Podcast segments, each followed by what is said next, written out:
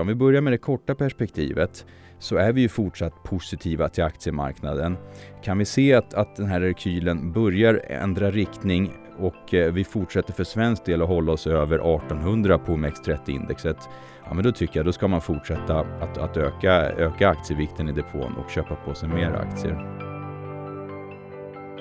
Det här är Investera och agera, en podcast från Carnegie Private Banking.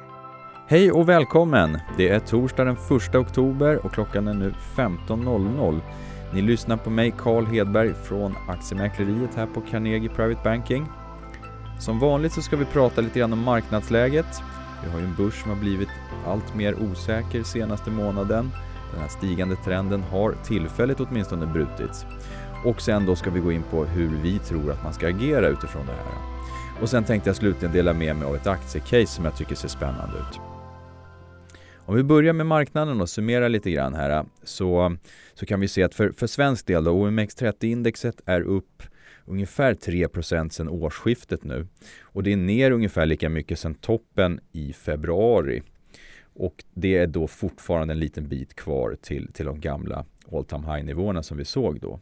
Tittar vi på den amerikanska börsen istället så ser vi att ja, men vi är upp ungefär 4% sedan årsskiftet på, på S&P 500-indexet och det är ner 6% sedan det toppade på sin all time high som då var i september, alltså efter coronapandemins utbrott. Tittar vi däremot på Nasdaq-börsen så ser vi en riktigt stark utveckling, då upp 25 eh, sedan årsskiftet och en större rekyl ner då, 7,5% ungefär från toppen som vi hade här i mitten på september. Men det indexet är ju faktiskt upp då en bit över 10 sen, sen eh, eh toppen på svenska börsen i februari. Så att amerikanska börsen har ju helt klart haft en starkare utveckling under vår och sommar än vad vi har haft här hemma. Eh, vi har ju sett att börserna toppade i mitten på september. Vi har haft en rekyl som har pågått eh, under ett par veckors tid. Det har ju varit en starkare utveckling i eh, USA än vad vi haft i Sverige. Vi har ju haft mera sektorer som inte riktigt har hängt med uppåt här och det är väl delvis bank som är en förklaring till det. Eh, tittar vi på rekylen så ser vi ju att den negativa trenden vi har sett i den börjar bromsas upp lite grann.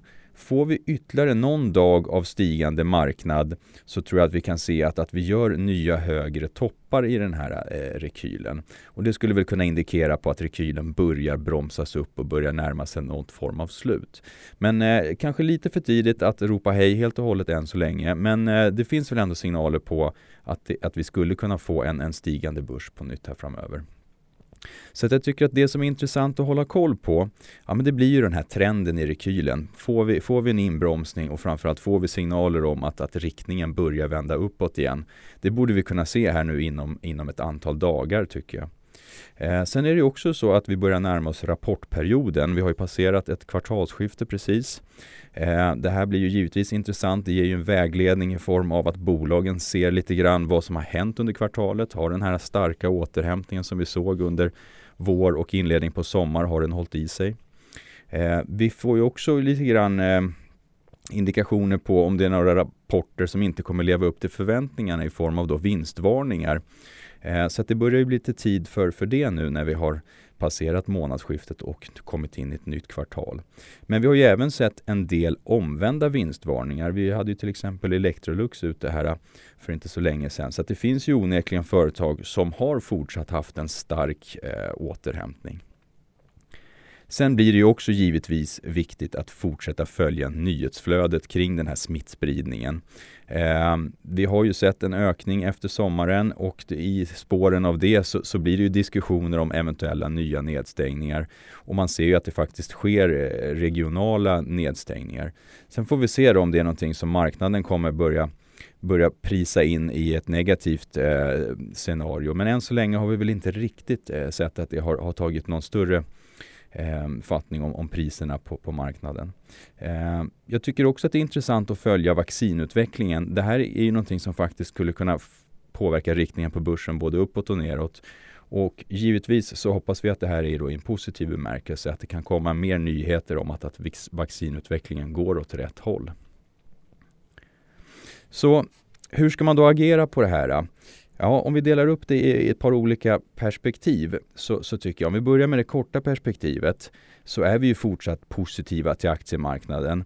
Kan vi se att, att den här rekylen börjar ändra riktning och eh, vi fortsätter för svensk del att hålla oss över 1800 på OMX30-indexet, ja men då tycker jag då ska man fortsätta att, att öka, öka aktievikten i depån och köpa på sig mer aktier. Eh, på medellång sikt, ja men då är det så, får vi den här rörelsen uppåt nu på nytt och att vi kanske för svensk del då börjar komma upp till de här gamla topparna från februari på 1900 på index. Ja men då är det väl kanske så att man ska plocka hem lite kortsiktiga vinster och se hur marknaden agerar vid de nivåerna. För det finns ju risk att det skulle kunna utlösa lite vinsthemtagningar där.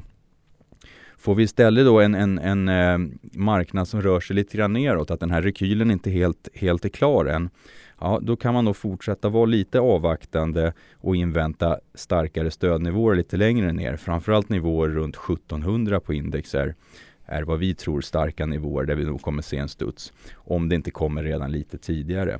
Men eh, en liten, liten eh, möjlighet då att, att man ska vara avvaktande om vi nu inte orkar hålla oss eh, över 1800 på index. Och i det långa perspektivet, ja men där eh, upprepar vi väl återigen vår syn att på lång sikt så ska man äga aktier. Vi kommer ju se att vi får låga räntor nu och de är sannolikt här för att stanna ganska länge. Och sen har vi även sett hur, hur penningmängden har ökat ganska rejält och likviditeten i marknaden är ju extremt hög.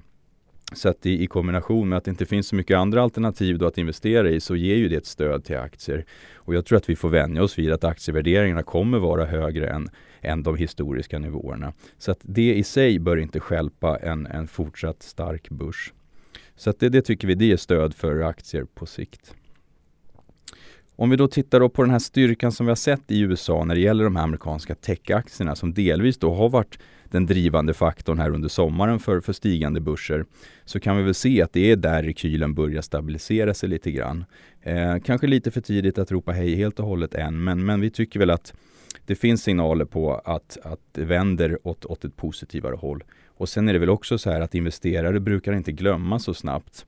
Den här trenden har ju varit ganska lång och stark. Eh, och det tror vi indikerar att, att, att, investerare kommer komma tillbaka till de här aktierna. Att man ser de här rekylerna som mer köplägen än som tillfällen att fortsätta sälja aktier. Och som sagt, rapportperioden börjar närma sig nu, inte allt för många veckor kvar. Eh, och jag tror att vi kommer se en ganska hygglig rapportperiod faktiskt. Vi har ju många företag som fortfarande har haft ganska eh, tacksam eh, lindring på kostnadssidan eftersom man har haft en hel del stödåtgärder som har hjälpt till där. Medan det faktiskt finns en, en, eh, för många bolag faktiskt ganska god efterfrågan. Eh, så att vi såg ju framförallt i andra kvartalet att många bolag överraskade åt det positiva hållet när det gäller resultatet att eh, intäktssidan var väl ungefär i linje med förväntningarna men framförallt att resultatet kom in bättre.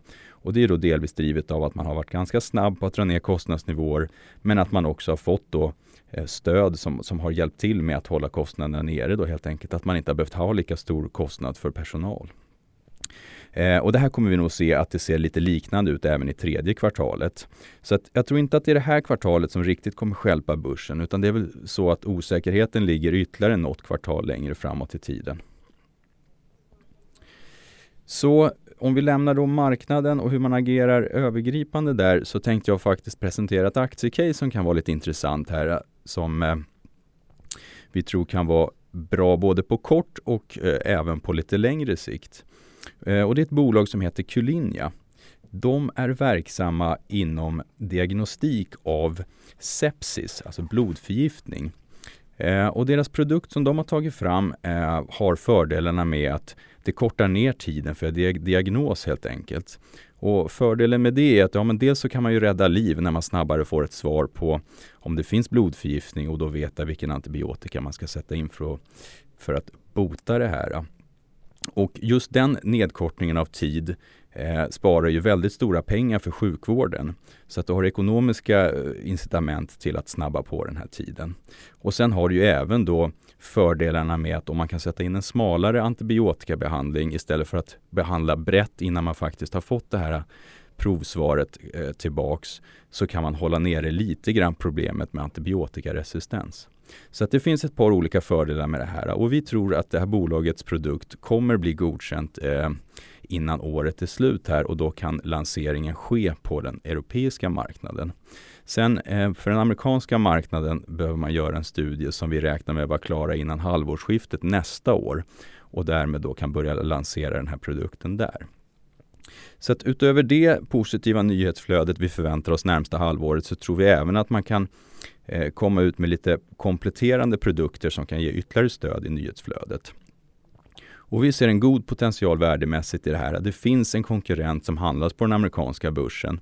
Och skulle man jämföra den värderingen med Q-linjas värdering så finns det en, en ganska betydande uppsida som vi ser.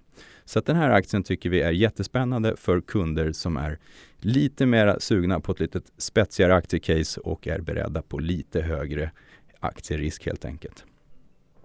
Det här aktiecaset är en sammanfattning av Carnegies analys som publicerades för Carnegies kunder den 29 september. Mer info om aktien finns länkat i beskrivningen till den här podden.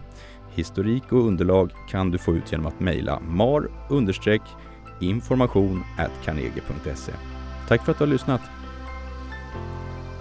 Vill du veta vilka aktier och investeringar vi tror på?